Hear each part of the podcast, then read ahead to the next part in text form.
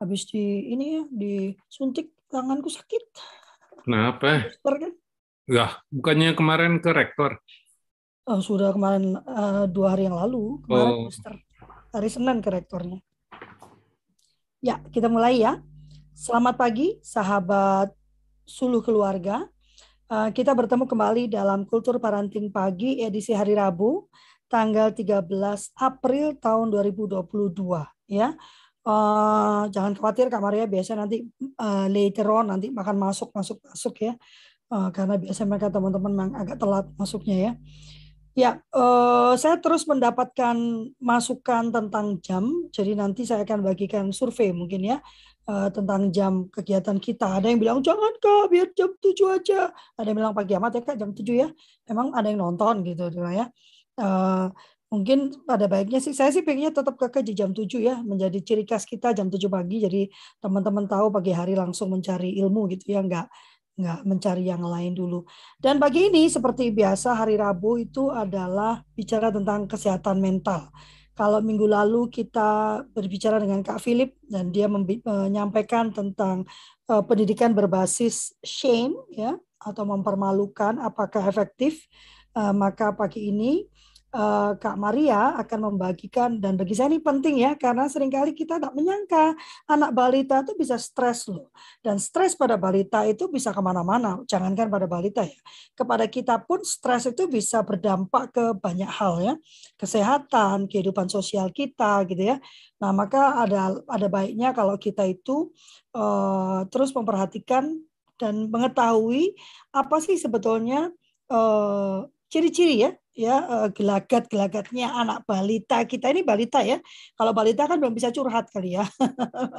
ya, jangankan balita yang sudah bisa curhat aja karena kita nggak tahu kalau dia sedang dalam stres ya. Maka mari kita akan mendengarkan Kak Maria. Kak Maria ini luar biasa, beliau bahkan mengajak saya membuat pelatihan terkait kesehatan mental dan pasti saya langsung bilang, "Ayo" gitu ya. Pelatihan yang terjangkau, teman-teman bisa lebih aware tentang kesehatan mental teman-teman ya. Kalau dulu kita cuman peduli. Dulu bahkan kita tidak peduli sama sekali dengan kesehatan fisik kita. Sekarang kita mulai lebih peduli, lebih aware dengan kesehatan fisik kita. Nah, berikutnya kita perlu lebih aware lagi dengan kesehatan mental kita. Silakan Kak Maria. Kak Deli, Kak Maria sudah dijadikan co-host. Tolong jadikan co-host dulu ya. Oke, selamat pagi Kak Lafli, selamat pagi kakak-kakak semua. Semoga pagi ini ini ya semangat ya. Oke, kita hari ini akan ngomongin stres. Mungkin kakak yang pagi ini bangun dengan kondisi stres boleh raise hand dulu atau uh, boleh tulis di chat ya. Jadi um, kita kan mungkin kalau sebagai orang dewasa uh, wajar gitu ya, kayaknya sering yang namanya uh, stres tuh kayak sering banget sehari-hari. Apalagi sekarang mungkin ya di masa pandemi yang berubah-berubah gitu. Sekarang sih udah lumayan lebih stabil gitu. Tapi kalau kita ingat berapa bulan lalu tahun lalu itu kan banyak sekali gitu stres di hidup kita. Nah sebenarnya situasi yang membuat orang dewasa stres tuh bikin balita ini balita ya kalau anak-anak uh, remaja mungkin uh, teman-teman akan bilang iya pasti ikut stres gitu apalagi sekolahnya berat tapi gimana kalau balita gitu? Apakah pandemi yang bikin kita stres bikin balita stres juga? Kalau menurut uh, kakak-kakak gimana nih? Ini udah dia bilang ya gitu ya. Ada lagi mungkin yang berpendapat kira-kira situasi-situasi uh, yang memang membuat kita stres itu uh, membuat uh, teman-teman atau adik-adik balita kita ini stres juga apa enggak ya kira-kira? Kak saya kok belum bisa share screen ya kak ya?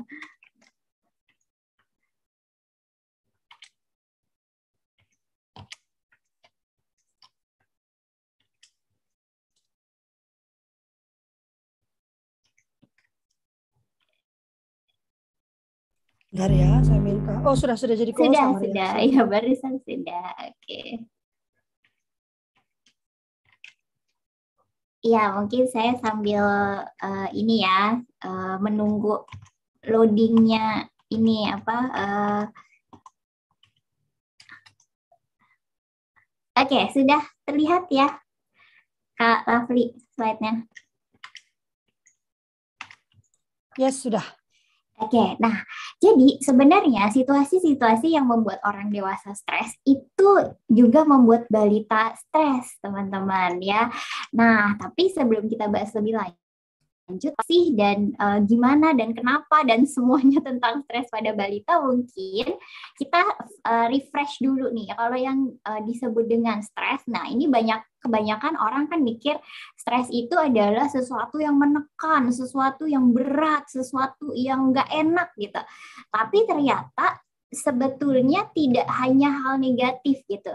Ada yang namanya juga stres positif gitu. Jadi sebenarnya apa pun gitu peristiwanya menyenangkan ataupun tidak menyenangkan yang bisa menimbulkan perubahan, menimbulkan respon fisiologis, respon emosional, respon perilaku gitu ya, yang uh, sedikit lebih intens aja gitu dari biasa itu udah disebut stres gitu. Jadi di sini highlightnya adalah stres itu tidak selalu melulu hal yang negatif atau hal yang tidak menyenangkan gitu. Tapi ada juga hal-hal yang menyenangkan yang bisa menimbulkan stres. Contoh, misalnya kita lagi pergi jalan-jalan gitu ya, terus uh, mau naik roller coaster gitu. Itu kan sesuatu yang sebenarnya fun, tapi itu ternyata juga menimbulkan stres gitu.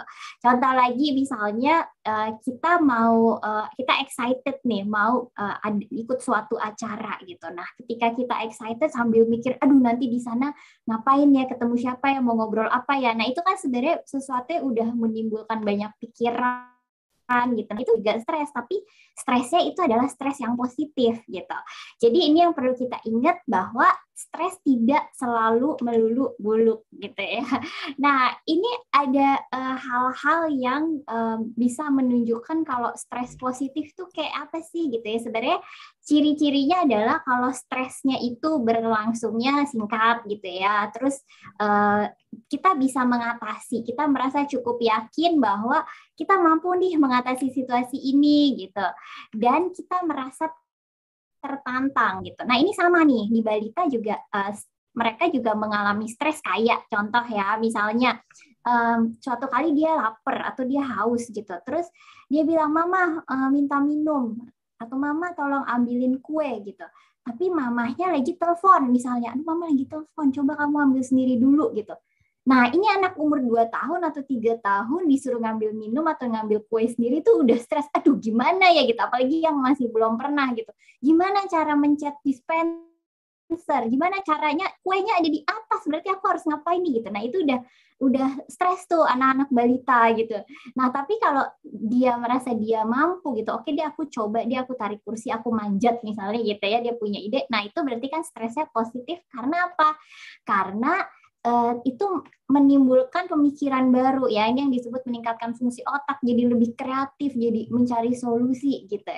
Nah terus uh, contoh lagi misalnya uh, balita apalagi ya situasi sehari-hari yang bisa bikin stres. Oh ini ditinggal sama orang tua gitu.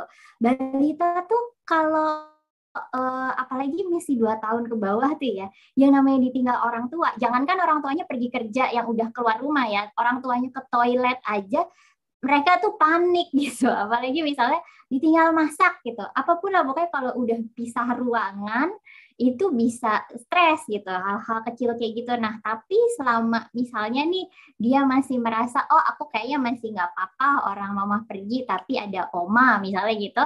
Nah itu mereka masih bisa mengatasi kan. Jadi masih positif nih gitu. Sehingga itu juga bisa um, membuat mereka lebih tangguh, mereka jadi lebih kuat gitu. Nah, terus stres ini kan sebenarnya menimbulkan respon gak cuma emosional gitu. Mungkin kalau emosional uh, teman-teman udah tahu ya gitu bahwa kalau kita stres itu kita bisa sampai sedih gitu ya, sampai aduh pusing gitu ya. Itu kan respon emosional gitu. Nah, tapi stres ini kan juga menimbulkan respon fisiologis. Mungkin ada yang uh, pernah ngalamin ya kalau misalkan stres sampai sakit perut gitu, asam lambung naik gitu kan.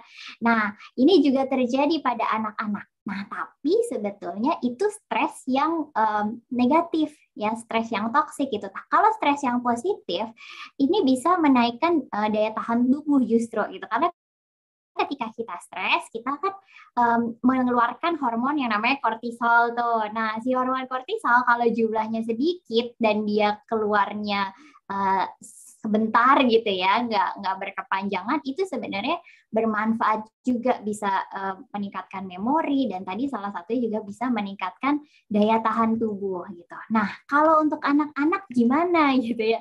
Ternyata kalau stres pada balita itu dan sebenarnya nggak cuma balita sih anak-anak yang uh, lebih besar juga anak SD, anak remaja gitu, mereka yang mengalami stres itu uh, sebenarnya menunjang perkembangan mereka. Jadi ini ada penelitiannya nih. Jadi ada anak-anak yang um, banyak diberikan challenge gitu ya mungkin kita sebutnya biar lebih positif challenge atau tantangan gitu sama orang tuanya dibandingkan dengan anak-anak yang uh, tidak diberikan tantangan jadi selalu melulu dibantu gitu ya apa yang dia butuhkan selalu diberikan gitu ternyata ketika dibandingkan anak-anak yang mengalami uh, challenge atau mengalami stres-stres positif ini mereka perkembangannya cenderung lebih optimal gitu. Nah ini penelitiannya juga pada balita waktu itu kebetulan. Jadi ketika misalnya balita ini di uh, diajak untuk pakai baju sendiri, uh, mengambil makanan sendiri gitu, sesekali ditinggal oleh orang tuanya gitu. Nah itu uh, banyak tuh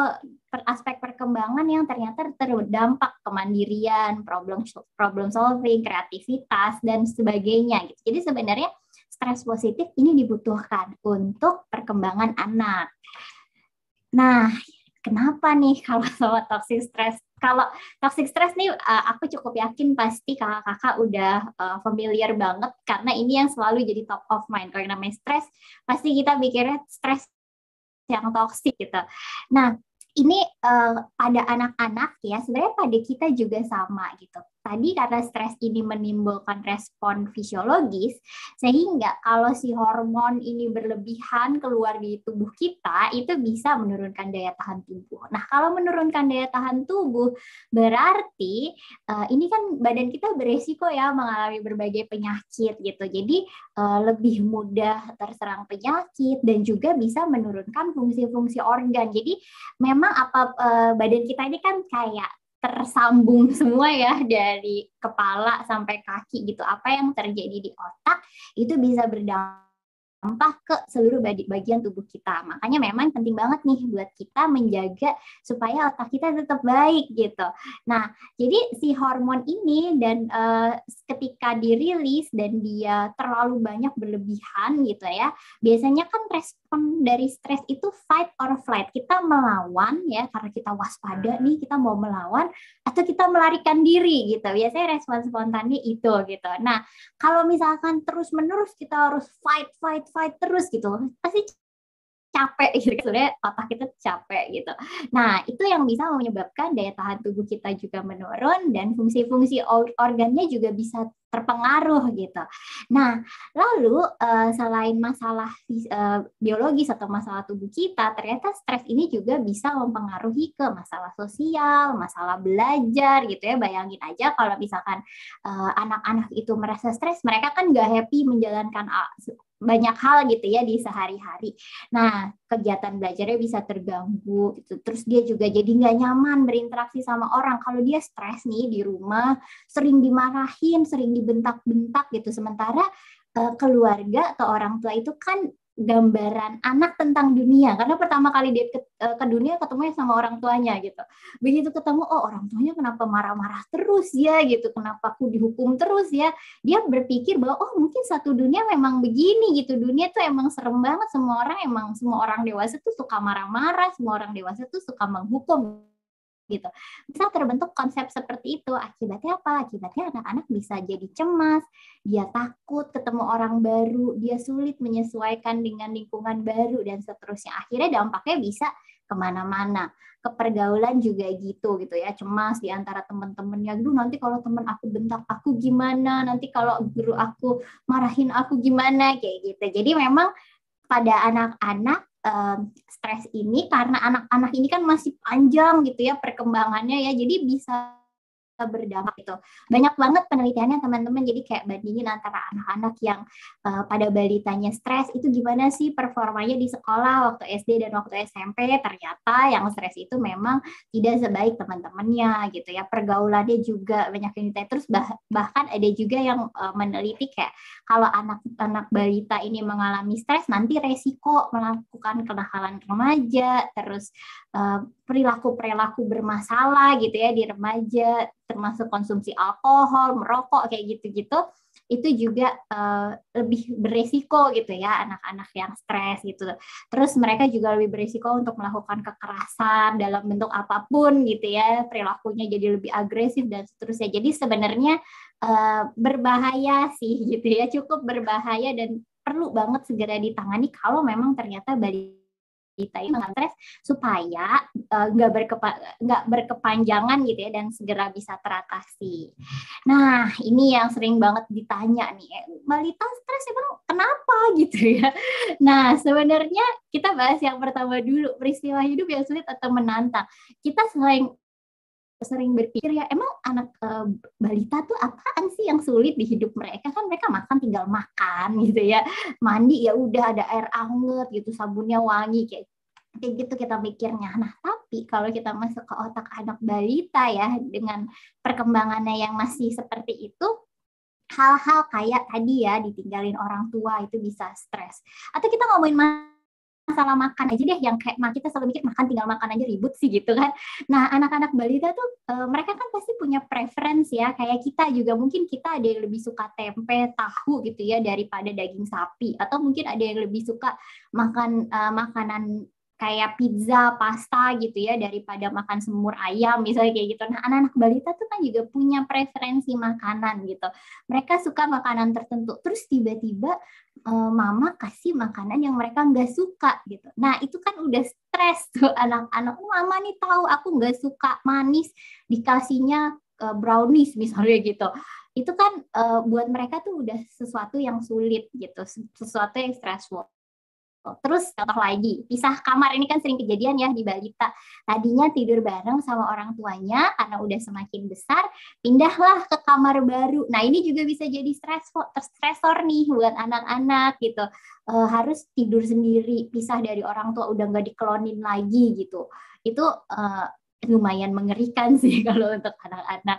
Terus apalagi dihukum, dibentak sama orang tua ya. Jadi um, kita sering bahkan teman-teman psikolog tuh ada yang bilang anak tuh kayak bucinnya mama papa gitu. Sebenarnya mereka tuh berusaha banget di cinta, disayangi, berusaha banget untuk dipuji sama orang tuanya.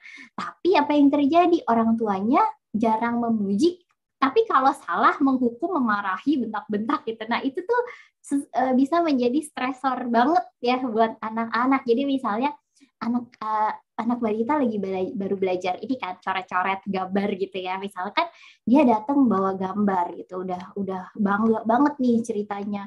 Mama, aku gambar sapi gitu. Terus pas mama eh sapi kan gak kayak gitu bentuknya dek gitu misalnya.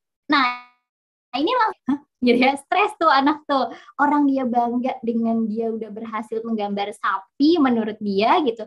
Mamanya bilang itu bukan sapi gitu. Itu kan kayak menurunkan harga diri anak gitu. Nah ini termasuk peristiwa sehari-hari yang sebenarnya bisa menimbulkan stres. Kalau misalkan kejadiannya sekali dua kali gitu ya mungkin masih oke okay, gitu ya karena dia bisa handle gitu. Tapi bayangkan kalau ini terjadi setiap hari gitu.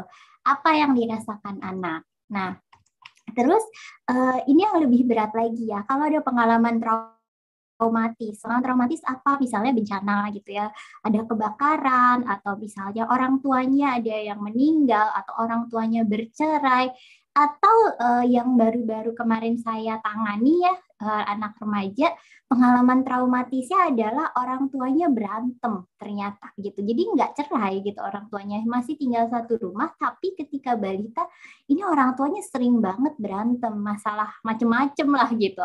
Dan ini yang menjadi pengalaman traumatisnya dia gitu gitu. Jadi kita juga perlu berhati-hati nih sebagai orang tua ya kalau misalkan mau berantem uh, lihat-lihat dulu anaknya denger atau enggak gitu. Karena berantem di depan bertidak berantem di depan anak itu kita berantemnya di kamar gitu ya atau di tempat lain yang pasti anak nggak ada itu belum tentu anaknya nggak ngerti nggak belum tentu anak nggak tahu bahwa orang tua lagi berantem gitu ya jadi itu yang kita mesti hati-hati juga gitu jadi ini pengalaman traumatis nih bisa macem-macem kemudian uh, neglect atau penolakan. Penolakan tuh uh, kalau kita sering kali mikir nggak mungkin lah anak saya merasa ditolak gitu. Padahal kalau di otak anak-anak misalnya ya, misalnya orang tuanya setiap hari kerja gitu. Suatu kali uh, si anak ini sakit gitu, nggak enak badan, pusing, sakit perut atau apa gitu ya, nggak enak badan, terus dia berharap, aduh mama um, boleh nggak nggak kerja gitu, aku pusing gitu. Itu kalau udah bisa ngomong ya, kan kalau nggak bisa belum bisa ngomong dia nangis, rewel gitu. Tapi orang tuanya tetap ninggalin gitu, karena emang harus kerja mau gimana gitu kan, orang tua tetap ninggalin. Nah peristiwa kayak gini tuh bisa membuat anak merasa ditolak, merasa dia nggak berharga. Aku tuh nggak penting, kepentingan kerjaan mama daripada aku gitu. Nah pemikiran-pemikiran kayak gitu itu ternyata ada di anak-anak balita gitu.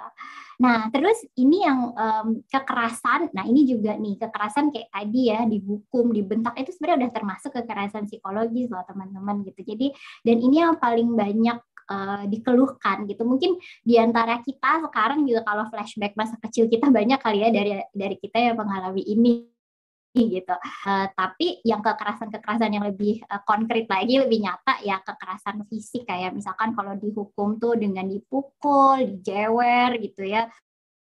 Uh, atau misalkan kekerasan KDRT lainnya gitu dan yang paling uh, banyak tidak terungkap itu adalah kekerasan seksual. Jadi kekerasan seksual terjadi ini uh, bisa di lingkup keluarga atau oleh saudara, tetangga dan sebagainya. Ini ternyata agak banyak juga gitu kasusnya tapi tidak terungkap. Jadi kalau misalkan kita cari itu susah ketemu datanya gitu ya, apalagi di Indonesia gitu. Nah, terus pola keluarga yang tidak sehat ini yang sesuatu yang kita uh, sering kali tidak sadar gitu. Emang keluarga yang nggak sehat tuh gimana ya? Tadi keluarga yang banyak konflik itu udah termasuk yang nggak sehat. Kakak adik yang selalu berantem gitu ya dan nggak tahu gimana ngatasinya, nggak entah bagaimana treatment orang tuanya sampai uh, pokoknya berantem terus nggak bisa nggak pernah selesai masalah itu juga juga nggak sehat. Atau misalkan yang uh, single parent gitu ya orang tuanya bercerai atau misalkan uh, tadi orang tuanya selalu bekerja anaknya difasilitasi dengan berbagai fasilitas dengan kemewahan tapi tidak hadir gitu itu termasuk keluarga yang tidak sehat. Atau lagi keluarga yang misalkan pola asuhnya tuh otoritarian ya jadi um, banyak banget aturannya tapi tidak ada kehangatan gitu ya. Terus kalau misalkan salah itu langsung dihukum gak ada diskusi. Nah itu termasuk pola keluarga yang gak sehat. Nah ini kita mulai bisa mikir ya di kita sejauh ini gimana ya gitu. Oke nah ini ciri-cirinya nih teman-teman gitu. Um, yang kebanyakan tuh suka mengeluh ya, kadang-kadang mengeluh kayak uh, pusing, sakit perut. Ini yang kalau udah bisa ngomong sih ya. Kalau misalkan belum mungkin akan kelihatan gitu ya kalau kita peka gitu. Keluhan-keluhannya bisa belum tentu menunjukkan apa ya belum tentu straightforward persis seperti apa yang dia alami gitu misalnya dia ngeluh aduh aku sakit perut mah gitu padahal sebenarnya dia nggak sakit perut dia pengen cari perhatian aja karena dia stres gitu itu ada kayak gitu itu kayak ya anak saya tuh suka ngeluh gini kalau lagi belajar dia eh, lama-lama dia akan bilang aduh kenapa kepala panas ya gitu. Statement kayak gitu itu udah udah tanda oh udah mulai stres nih anak gitu. Karena kalau baru kayak 10-15 menit dia nggak pernah ngeluh gitu. Begitu udah 20 menit ke atas tuh anak saya suka ngeluh kepala mulai panas gitu. Padahal nggak panas juga cuma itu cara dia aja gitu untuk menunjukkan bahwa dia lagi stres gitu. Kemudian perilakunya nih agresif gitu kayak suka melempar suka bukul kayak marah-marah gitu. Uh, kelihatannya bandel disuruh A malah yang dilakukan B gitu ya misalkan dibilang jangan lari malah lari gitu ya. Jangan uh, apa terus malah dilakukan. Nah ini bisa jadi nih tanda-tanda stres itu. Tapi yang perlu diingat ini kalau biasanya tidak begitu tapi terus perilakunya muncul ya. Kalau misalkan memang sudah memang polanya kok memang agresif terus menerus nah ini bisa di bisa lebih lanjut apakah stres atau ada masalah perilaku yang lain gitu. Terus uh, biasanya suka sesuatu terus tiba-tiba dia menolak dia nggak mau. Biasa kita jalan-jalan diajak jalan-jalan nggak mau. Biasanya suka uh, kue dia dikasih kue nggak mau gitu ya. Nah, terus lebih rewel, lebih rewel dari biasanya. Terus kalau misalkan di, biasanya ditinggal nggak apa-apa, ini kenapa kalau ditinggal jadinya kok cranky banget? Kenapa setiap mau uh, mamahnya pergi kerja, ini kenapa jadi uh, rewel banget? Gitu ya. Nah, bisa jangan-jangan dia stres gitu. Terus uh, kesulitan untuk tidur, kesulitan untuk makan. Ini juga cukup sering dialami sama balita. Nah, makanya uh, kalau misalkan uh, teman-teman lihat ya, ini kan ciri-cirinya agak-agak apa ya? Maksudnya anak sulit tidur nih, ya mungkin dia emang belum capek aja gitu. Jadi kayak beda-beda tipis gitu. Ini sebenarnya stres atau sebenarnya nggak apa-apa gitu. Makanya memang penting banget kalau kita sebagai orang tua itu peka sama anak. Jadi setiap ada perubahan kecil, perubahan sedikit pun kita bisa lihat gitu. Karena tadi anak belum tentu mengungkapkan apa yang sebenarnya dia rasakan. Nah, ini yang bisa kita lakukan. Jadi sebenarnya stres ini kan sesuatu yang tidak bisa kita hindari ya dalam kehidupan sehari-hari itu pasti ada gitu. Makanya yang bisa kita lakukan adalah mendampingi. Begitu kita tahu anak kita kayaknya stres gitu ya, berarti kita harus nemenin gitu. Kayak misalkan anak TK nih eh, tiba-tiba ada tugas harus uh, presentasi anak TK sekarang kan ada ya yang sekolahnya udah presentasi terus dia stres ya kita mendampingi atau anak TK pertama kali mau masuk sekolah itu kan harus pisah sama orang tua tuh stres juga ya karena kita kan nggak bisa terus anaknya nggak usah sekolah gitu ya atau di sekolahnya ditemenin sama kita itu kan nggak bisa ya kayak gitu. Makanya ketika mereka menghadapi situasi stres kita perlu mendampingi gitu. Kita perlu memberikan support gitu. Nah ini yang tadi ya peka itu penting banget harus benar-benar peka memahami anak apalagi stres ini sesuatu yang subjektif. Apa yang stressful buat kita belum tentu stressful buat orang lain.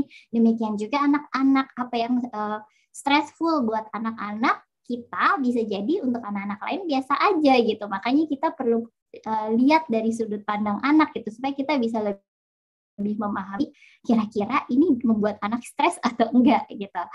Kemudian yang berikutnya adalah dalam kondisi anak baik-baik aja kita perlu banget melatih mereka memahami emosi mereka gitu. Ini mungkin bisa jadi satu sesi sendiri nanti ya gimana cara ngajarin anak bisa memahami dan mengelola emosi. Ini karena lumayan uh, penting dan rumit gitu sebetulnya.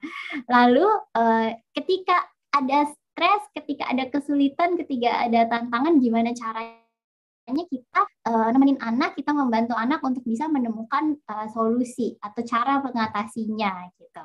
Nah, yang uh, terakhir nih yang menciptakan keluarga yang harmonis ini sesuatu yang sebenarnya uh, kayaknya diucapkan dengan gampang ya, tapi dilakukan dengan sulit biasanya ya, karena uh, ternyata ketika saya ketemu dengan klien-klien gitu ya banyak juga loh yang uh, relasi di dalam pernikahannya itu uh, tidak terlalu mulus gitu. Nah, sekarang kalau misalkan uh, mama papa aja relasinya kurang baik. Nah, biasanya kan akan berdampak ke anak-anak gitu ya. Apalagi stres pada orang tua atau parenting stress itu juga bisa uh, berpengaruh nih ke kesehatan mental. Jadi sebenarnya membangun sistem keluarga yang uh, cukup saya mau bilang ideal kayak terlalu berat ya, tapi uh, yang nyaman lah gitu ya, membangun situasi keluarga yang nyaman gitu, yang relasinya hangat, yang bisa saling mendukung, saling terbuka itu sesuatu yang nggak gampang tapi itu penting banget buat uh, kesehatan mental anak. Nah, ini yang perlu diwaspadai ya, kalau misalkan stresnya sudah berkepanjangan, um, mungkin saya bisa kasih uh, durasi minimal dua minggu satu bulan kalau udah kayak stres terus ya gitu ya dan nggak nggak balik-balik gitu moodnya ini perlu segera dibantu gitu ya. Kemudian kalau sampai orang tua bingung aduh gimana lagi nih? Anaknya mau diapain lagi nih? Udah kebingungan gitu. Itu perlu segera mencari bantuan apalagi kalau sudah pola keluarga yang nggak sehat apa pun gitu ya situasi nggak sehatnya apakah karena pengasuhannya atau misalkan ada salah satu orang tua yang melakukan kekerasan atau misalnya salah satu orang tuanya depresi gitu ya eh, atau misalnya tinggal satu rumah dengan misalnya om atau saudara yang ternyata bermasalah ini kan juga pola keluarga yang kurang sehat. Nah dan tidak bisa diatasi ini juga perlu segera mencari bantuan supaya tadi kita pengen jangan sampai masa depan balita ini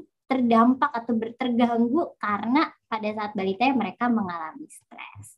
Oke, itu saja mungkin uh, dari saya materinya ternyata uh, setengah jam lumayan panjang juga ya. Mungkin dari teman-teman boleh kalau ada yang ingin bertanya atau mau uh, sharing silahkan. Materinya daging soalnya ya kan. Aduh. Ya benar-benar memang uh, tadi disebutkan berkali-kali ya kita memang sebagai orang tua uh, dan guru ya menjadi pendeteksi awal ya. Uh, Sebenarnya kalau guru ya bisa tapi kan harus berbagi dengan banyak anak ya. Maka ya. uh, saya sih lebih senang memberikan beban ini kepada orang tua gitu ya. Kita harus awas dengan perubahan-perubahan anak sekecil apa pun kata Kak Maria tadi ya. Ya kalau saya dulu anak-anak kadang kesel karena baru apa baru senyum saja senyumnya berubah saya sudah ah, kamu ada apa gitu ya. gitu ya ada masalah apa kakak sedih dedek sedih ah, dedek bahagia itu karena karena penting sekali terus menanyakan kepada anak supaya mereka tahu bahwa mereka ada yang menemani ada lagi apakah ada yang mau bertanya kepada kak Maria terkait deteksi stres pada anak balita ya. Ini kita bicaranya balita. Ini saya melihat banyak sekali uh, ada beberapa teman dari PAUD ya. Uh, ini penting untuk dibawa. Uh, apakah materinya bisa dikirim? Ya, materi akan dikirimkan ke grup suluh keluarga ya. Uh, grup suluh keluarga. Jadi mari bergabung menjadi anggota suluh keluarga hanya dengan Rp150.000 saja. Ini Kak nanti akan membagikannya ya. Anda akan mendapatkan 12 kali pertemuan ya setiap bulannya uh, kadang-kadang lebih kadang kurang ya kayak minggu depan hari Jumat ini kultur parenting libur ya karena hanya saya sendiri yang bisa memandu uh, sementara hari Jumat itu adalah Jumat Agung jadi saya akan ada di gereja seharian Uh, tapi seba, uh, sebagai kita berusaha keras agar 12 kali pertemuan muncul dan apabila Anda ikut 8 kali pertemuan maka Anda akan mendapatkan sertifikat bulanan ya. Yuk bergabung juga diskon diskon 20% untuk kegiatan workshop yang kami selenggarakan. Dalam minggu depan akan ada dua workshop loh, luar biasa ya. Yang pertama workshop di diskalkulia ya, eh, yang semula dijadwalkan dua kali pertemuan berubah menjadi tiga kali pertemuan karena kemarin waktu disleksia dua kali pertemuan tidak cukup ya. Hari Rabu ini akan ada pertemuan yang ketiga, maka diskalkulia akan dilakukan tiga kali pertemuan ya. Harganya 600 ribu kalau Anda menjadi anggota seluruh keluarga diskonnya 100 berapa deh 20 ribu ya. Jadi eh, 480 ribu. Wah, tiga hari daging ya mengajarkan anak diskalkulia, berhitung dan matematika ya. Saya rasa ini topik yang cukup penting ya. Tapi kami juga punya uh, apa uh, workshop mendongeng bagaimana mendongeng itu bisa menyentuh uh, neuro anak ya uh, cara kerja otak anak lalu menjadikannya cara untuk membuat anak berpikir kritis analitis dan menjadikan kebiasaan. Kalau itu 150 ribu saja Anda mendapatkan WhatsApp grup selama empat hari, lalu pertemuan di Zoom satu kali selama dua jam ya untuk praktek. Yuk ikut yuk. Ada yang mau bertanya nggak ini kok jadi saya ngoceh sendiri? Ya. Komentar tadi tuh kak, ternyata pas saya lagi presentasi di kandungan aja stres. Iya bener sih balita ya, maksudnya di dalam kandungan aja anak-anak udah bisa merasakan stres loh benar gitu. Iya. Uh, sebetulnya yang saya tuh pengen tahu ya pada anak-anak balita itu, ya kan? Uh, kalau dia mengalami stres kak ya. Uh, tadi kan sudah tunjukkan ciri-cirinya beberapa ya rewel agak gitu. Tapi dampaknya ke dia hari ini dan masa depannya apa ya kak ya? Apa kenapa kita mesti wah anak kecil aja stres kamu masih kecil mikir apa orang tinggal nangis makan tinggal nangis dikasih kok stres. Uh, apa ya dampak stresnya pada anak? Kalau kita ndak awas gitu ya Oke, okay. mungkin dari yang bayi dulu ya, yang biasanya orang tua paling ganggu kan kalau bayi. Bayi kan sebenarnya gini, mereka kan begitu lahir ke bumi itu kan panik ya. Dari tadi di perut aman, nyaman gitu, tiba-tiba keluar dingin, banyak suara yang gak familiar gitu kan. Nah, uh, itu sebenarnya udah stres awal tuh pada bayi. Nah, makanya sebenarnya kan yang direkomendasikan memang ketika bayi masih baru lahir sampai umur 2 tahun membentuk attachment awal orang tua atau orang dewasa di sekitarnya tuh perlu banget responsif dengan kebutuhan anak. Bener banget tadi kalau Lavi bilang orang lapar hausnya tinggal nangis gitu. Nah bayangkan kalau lapar, haus, tinggal nangis, terus orang tuanya datang kasih makan, kasih asi gitu kan. Nah ini kan bayi lega, oh ternyata kalau aku uh, nangis, ada yang bantuin aku nih, ada yang memenuhi kebutuhan aku nih. Nah, ini akan membuat mereka jadi merasa nyaman di dunia ini. Mereka merasa bahwa oh, memang di dunia banyak kesulitan, tapi kesulitan ini bisa diatasi kok gitu. Kira-kira pemikiran bentuk seperti itu. Tapi sebaliknya kalau misalkan pas bayi mereka nangis itu mereka diabaikan gitu ya, uh, dibiarin aja. Mereka nangis karena haus, eh tapi nggak dikasih asi malah dipeluk aja. Misalnya kan tidak terpenuhi gitu ya kebutuhannya. Nah itu mereka akan di kayak pola pikirnya adalah dunia ini serem banget gitu. Kesulitannya banyak banget dan aku tidak bisa mendapatkan apa yang aku perlu. Gimana dong gitu. Nah ketika membentuk uh, pemikiran kayak gitu dia kan akan menjadi sangat berada di dunia ini gitu. Mereka akan ketakutan banget. Nanti gimana? Jadi kalau mungkin teman-teman pernah ketemu orang yang kayaknya takut banget masuk lingkungan baru, cemas banget uh, situasi yang sulit sedikit itu benar-benar stres gitu ya sampai bahkan mungkin masalah kesehatan mental. Nah ini kita bisa trace back lagi dua tahun pertamanya gimana pada waktu itu gitu. Jadi sebenarnya dampaknya itu uh, kalau uh, tadi ya kalau misalkan sesekali tadi misalnya panik ditinggal orang tua atau misalnya ini yang balita juga suka ngalamin uh, harus tamu umum gitu uh, ada kan anak-anak yang eh, seneng aja gitu ya karena belum malu tapi ada anak-anak yang sangat peka sama lingkungan jadi kayak tiba-tiba dipanggil suruh ngomong di depan kelas atau mungkin mimpin doa gitu di depan kelas masih playgroup gitu itu udah stres banget gitu ya.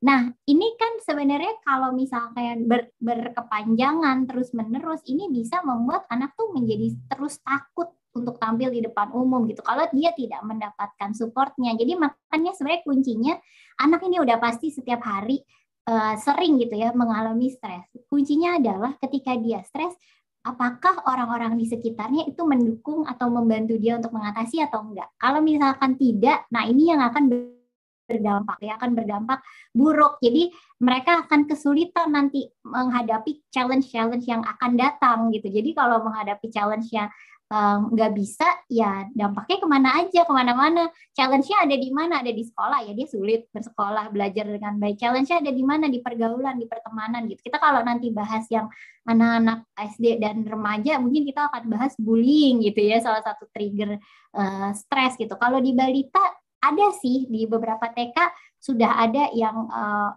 melakukan bullying itu ada. Tapi kan belum terlalu banyak ya. Tidak sebanyak kasus-kasus yang terjadi di SD dan di remaja gitu. Jadi sebenarnya dampaknya banyak gitu. Nah, tadi kalau misalkan yang singkatnya kalau uh, stres ini menimbulkan sulit tidur, sulit makan. Nah, ini nanti efeknya ke kesehatan ya, berat badan, pemenuhan gizi dan seterusnya gitu. Jadi sebenarnya dampaknya banyak banget kalau beli. Ini yang mau saya karena kok yang nanya dikit gitu ya. Uh, seolah-olah padahal ini sangat penting gitu dampak dari anak stres ini sangat penting ya. Uh, ini Kak Agustin bertanya. Bu Maria dan Bapak Ibu yang saya hormati, terima kasih atas pencerahannya yang inspiratif dan bermanfaat. Oh, mohon pamit rupanya, bukan bertanya. ya, terima kasih Kak Agustin sudah bergabung dengan kami di pagi hari ini. Ya, uh, terima kasih Ibu atas. Oh, Pak Agustin, saya harus ini ada, saya pensiunan Bu, punya cucu tujuh. Waduh. Dan eh, eh, masih di masih ini ya ada kegiatan di yayasan gitu. Jadi oh, terima eh, kasih Pak Agustin. Maaf, terima kasih. Bergabung lagi hari Senin, hari Rabu dan Jumat kami terus ada jam 7 pagi sampai jam Baik. 8 pagi. Baik. Ya, terima kasih Pak Agustin. Terima kasih Pak. Biasa Pak Agustin ini. Kupikir ibu, maaf ya Pak. Eh, saya saya laki-laki Bu. Terima kasih Pak Agustin. Ya. Tapi sudah kakek-kakek 68 tahun. Oh, ini ada uh, Coach Uk, uh, Kak, Kak Irwan juga sudah kakek-kakek dia baru kakek -kakek, baru, baru meninggalkan ruangan karena baik, harus Ibu. Uh, mudah-mudahan uh, Yayasan Suruh Bangsa apa mulia ini tambah maju dan Amin. berkati ya. Amin, Amin Pak Agus. Mari Ibu ya. kita bisa terus berkolaborasi ya Pak Agus. Amin, bangga bangga Ibu. Terima kasih. Sami-sami Ibu. Ya, karena bagi saya coba lihat ya, uh, saya punya punya pengalaman anak saya sendiri ya yang besar ya. Uh, dia bilang bahwa ternyata jadi rupanya buat anak-anak itu menjadi dewasa itu sangat-sangat menakutkan. Ini menarik nanti kalau kita bicara tentang anak SMP dan SMA ya Kak Maria ya. Uh, dan dia berkata bahwa uh, fakta bahwa ibu saya dia bilang ya dia dia terus di uh, di mana di di twitternya ya dia uh, dia twitter mania. Dia bilang fakta bahwa ibu saya menceritakan kesulitan hidupnya gitu kan. Ibu saya dengan dengan terbuka menceritakan waktu dia jatuh lalu bangkit lagi dan jatuh lagi bangkit lagi itu membuat saya melihat ternyata orang itu boleh gagal boleh melakukan kesalahan sehingga Eh, menjadi dewasa itu tidak terlalu menakutkan buat saya karena saya tidak dituntut menjadi sempurna. Jadi eh, eh, dan saya pernah membaca buku tentang pentingnya kedekatan emosional anak dan orang tua dikala anak tersebut masih dimulai dari masa balita ya karena ini teorinya siapa ya? Siapa Kak? Lupa aku. Bukan, bukan Erikson, siapa satu lagi ya? John Bowlby ya, attachment ya tentang perkembangan emosional kalau kata atau mental emosional ya kalau nggak salah ya. Jadi attachment itu uh, pada anak di masa kecil sangat penting karena dia percaya ada orang yang mengasihi dia dan itu akan membawa membawa rasa percaya diri dan rasa konten ya sehingga menjadi pribadi-pribadi yang tenang, pribadi-pribadi yang tahu bagaimana bersikap ya. Contoh dari uh, demo kemarin itu kan itu uh, uh, bentuk nyata dari uh, kegagalan kita sebagai orang tua ya dalam uh, mendidik anak-anak kita ya. Saya nggak cuma bilang yang demo, tapi juga yang berkomentar atas demo tersebut ya. Ini saya lagi auto unfollow. Kalau di unfriend terlalu penting mereka untuk di unfriend ya. Jadi saya unfollow sajalah biar mereka uh, sedih melihat hidup saya yang damai sejahtera gitu ya. Sementara mereka penuh dengan kebencian gitu kan. Ya, Kak Fauzia mau bertanya sudah membuka uh, mic? Kak Fauzia? Belum ya? Oh, sudah ditutup ternyata. Ini ada Kak Husnia, selamat pagi, pendeta. Kak, oh ini Bu Alfa. Hai Bu Alfa. Ada Kak Davi, ada Kak Feni, ada Kak Ani. Pak Mutakin, apa kabar? Bu Harsiti. Ini ada Zoom Education kali ya, Zoom Edu ya. Kak Nur Hayati, Teh Yanti, hai. Kak Eni, Kak Eni kapan dong berbagi untuk anak berkebutuhan khususnya? Ah, dari kemarin lari-larian melulu, padahal saya lihat flyernya banyak banget. Kak Rima, Pak Suwarto, Kak Vivi, apakah ada yang mau ditanyakan terkait dengan tanda-tanda stres pada anak balita? Deh, Kak Mutakin, Pak Mutakin?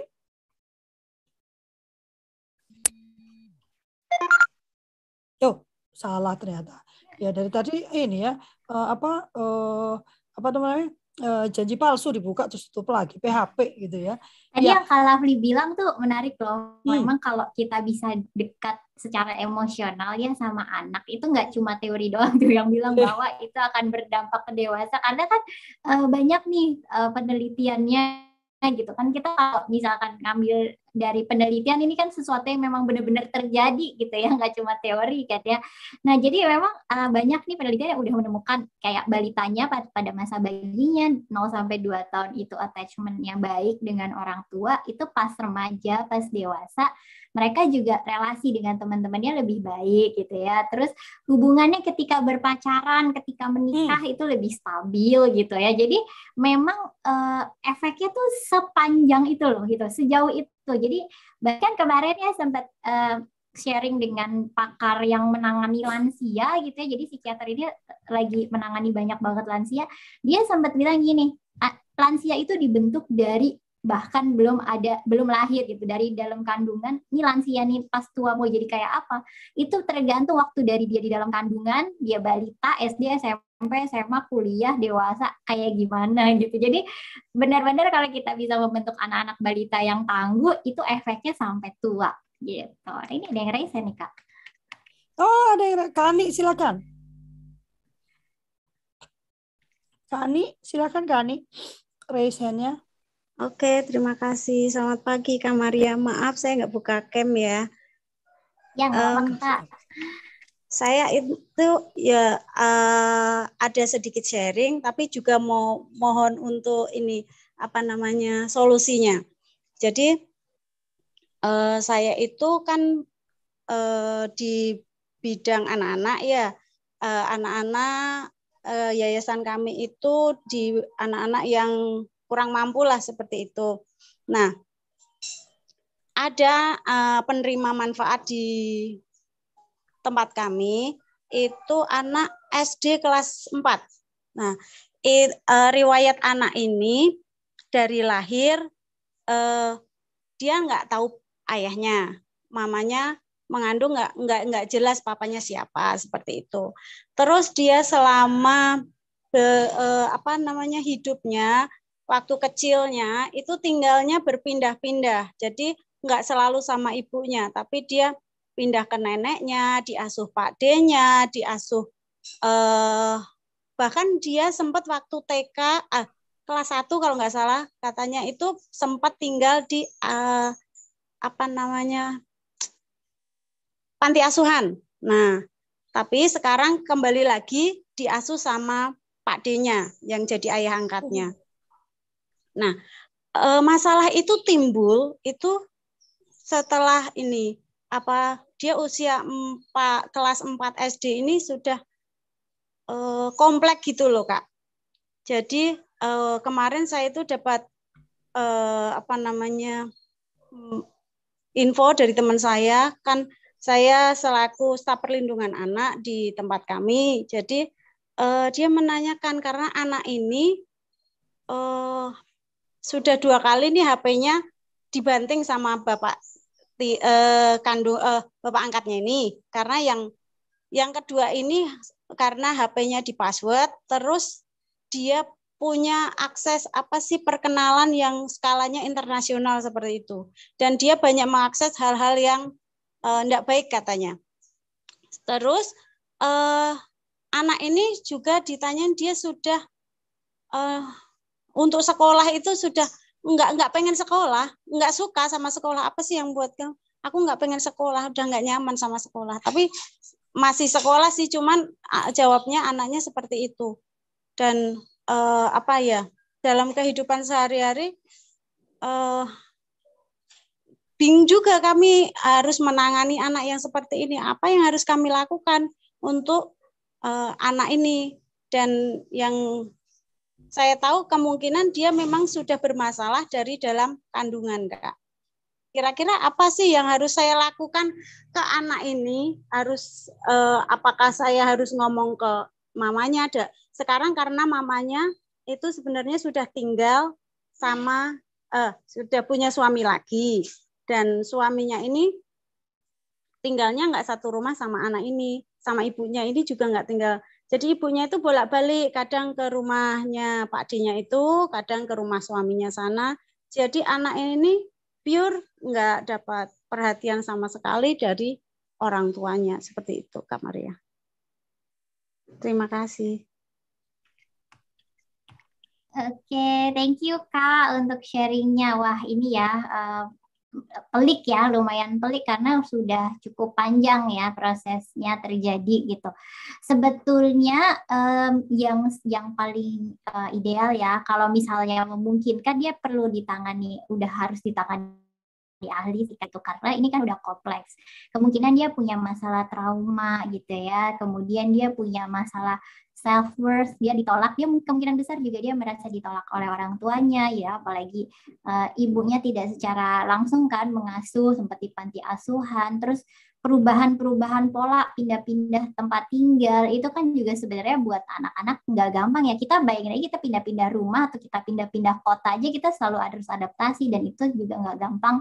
Apalagi ini untuk anak-anak anak gitu. Sebenarnya kalau sampai sudah um, perilaku bermasalah, sudah nggak mau uh, sekolah, sudah mengakses konten-konten yang uh, beresiko, ini sudah perlu penanganan expert sih kak, gitu ya. Kalau memungkinkan dari yayasan itu menyambungkan ke psikolog gitu ya untuk digali lebih lanjut gitu ya dan dibantu untuk mengatasi satu persatu gitu. Jadi memang harus diproses dari masa balitanya, trauma-traumanya dibantu, kemudian uh, konsep dirinya dibangun lagi gitu, pandangan-pandangan uh, positif atau pandangan terhadap masa depan gitu ya itu juga perlu dibentuk. Jadi uh, kalau memungkinkan saran saya sih itu sih kak itu yang paling akan membantu gitu.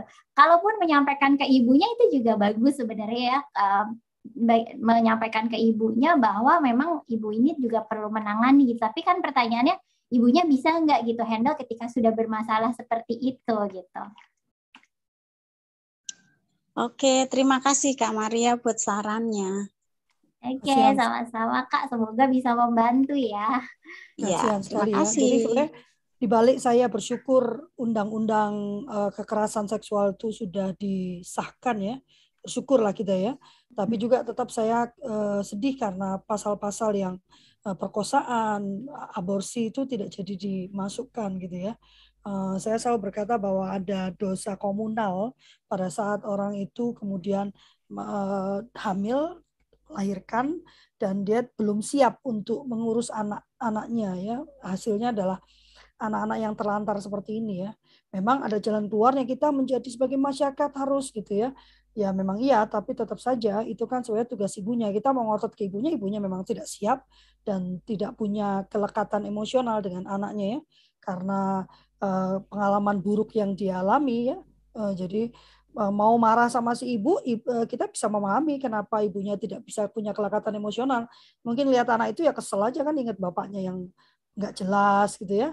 Uh, tapi juga anak ini punya hak untuk dikasih dan dicintai gitu kan.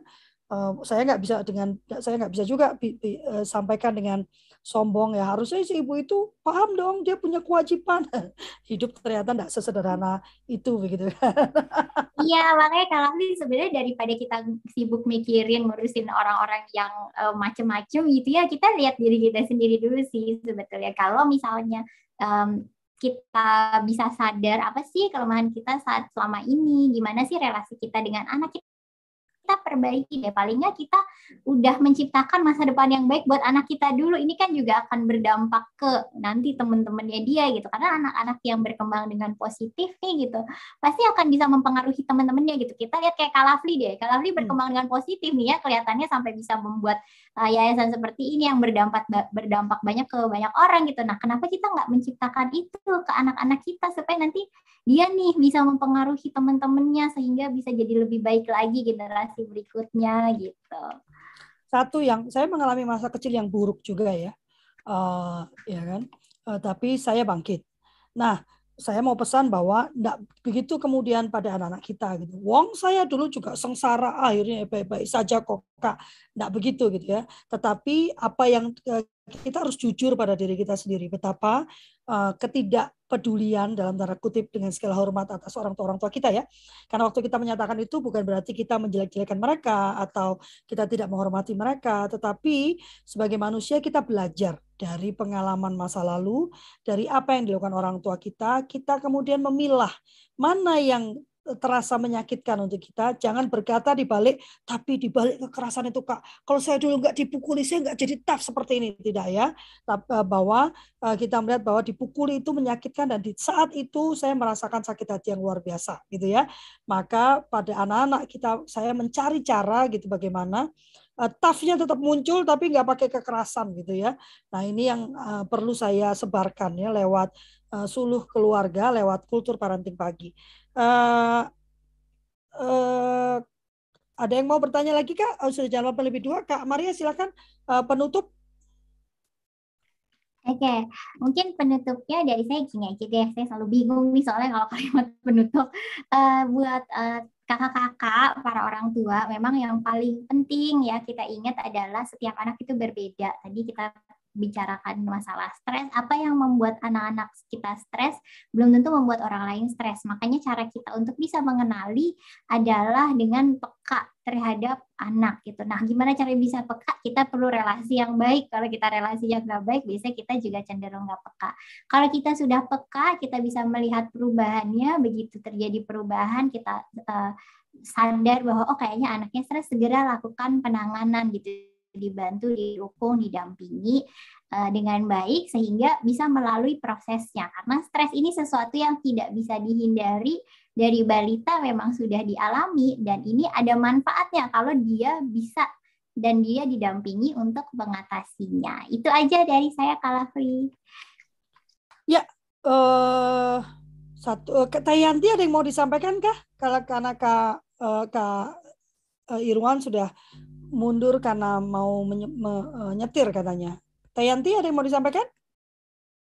Tayanti sedang sibuk dengan got katanya, dengan saluran air di depan rumah. ya, pesan saya pagi ini nanti setelah selesai ini ya, uh, segera balik badan. Nanti yang sudah kerja ya berarti nanti ya. Yang sudah bekerja silakan di WhatsApp anak-anaknya pagi ini langsung gitu ya. Sampaikan, "Hey, mama lupa tadi udah bilang belum ya, tapi I love you and I'm very proud of you gitu ya. Uh, silakan di WhatsApp hari ini pagi ini juga gitu begitu begitu uh, apa uh, kultur parenting pagi ini selesai langsung di WhatsApp. Yang masih ada di rumah silakan dipeluk anaknya gitu ya dan katakan I love you nak gitu ya. Apa pun yang terjadi, apa pun yang dialami I love you loh ya gitu ya. And I'm very proud of you ya. Uh, saya kalau ngomong mama bangga gak sama aku ya nggak usah begitu juga mama udah bangga kamu diam aja mama sudah bangga apalagi kamu bergerak melakukan sesuatu lebih bangga lagi gitu ya so you don't need to make me proud to make me love you I love you already gitu kan begitu ya terima kasih banyak Kak Maria bulan depan lagi dong ya masih banyak topik-topik kesehatan mental yang bisa kita gali dan perlu kita apa ya kita uh, uh, apa tularkan kepada orang tua agar mereka lebih aware karena kesehatan mental dari kecil itu sangat penting dan akan membawa anak-anak kita uh, menuju ke kedewasaannya yang baik gitu ya. Saya nggak mau bilang sempurna karena nggak ada kata sempurna itu ya. Uh, kita akan foto dulu. Saya undang teman-teman untuk mengisi absen dan menuliskan topik yang diinginkan ya. Bantu Lovely untuk tidak usah mikir cari topik tapi sudah dari apa yang Anda usulkan gitu. Saya tinggal mencari pembicaranya saja ya. Kalau mesti nyari topik juga, nyari pembicara juga agak pusing ya, pusing aja enggak kurus-kurus gitu ya. Ya, silakan dipasang hatinya yeah, kita ber... kita berfoto. Kak Carita mau ke mana itu? Ini lagi ngukur jalan, lagi nyari dapur kak, mau dapur. Sebenarnya tadi mau dengerin, cuman mau mau nanya, cuman miss di awal, jadi ngomong apa ya? Tapi konklusinya thank you kak Maria, thank you banget itu. Ini karena, aduh, aku lagi ya begitu banyak anak-anak yang apa yang ngalami itu dan apa dari responnya itu yang apa menurut aku ya hari-hari ini apa uh, anak-anak yang aku pegang juga anakku juga ya jadi suka belum apa apa intonasinya udah tinggi duluan. Belum apa apa udah mencolot iya, apa nyolot gitu nyolot, ya, nyolot duluan. Thank you thank you. Dan kita sebagai orang dewasa kadang-kadang suka kamu kok nyolot? Saya ini orang tua loh, kayak gitu ya. Makin rame ya. Yuk kita pasang uh, ininya hatinya. Kak Rasmi, kami itu ada jam 7 sampai jam 8 pagi. Kak Rasmi masuk sudah mau tutup, maaf ya. Satu, dua, tiga hatinya silakan. Kak Deli silakan. Kak ini kapan Udah? mau berbagi? Oh iya. Kalau Fri aku lagi di Bali loh, si kakak bisa ini bisa joinan. Oh, si kak uh, di Bali. Oh, kamu lagi di Bali? Iya nih, ada. Anakku nanti coba ya. Anakku masih sibuk sendiri dia. Iya, iya. Udah 25 tahun susah.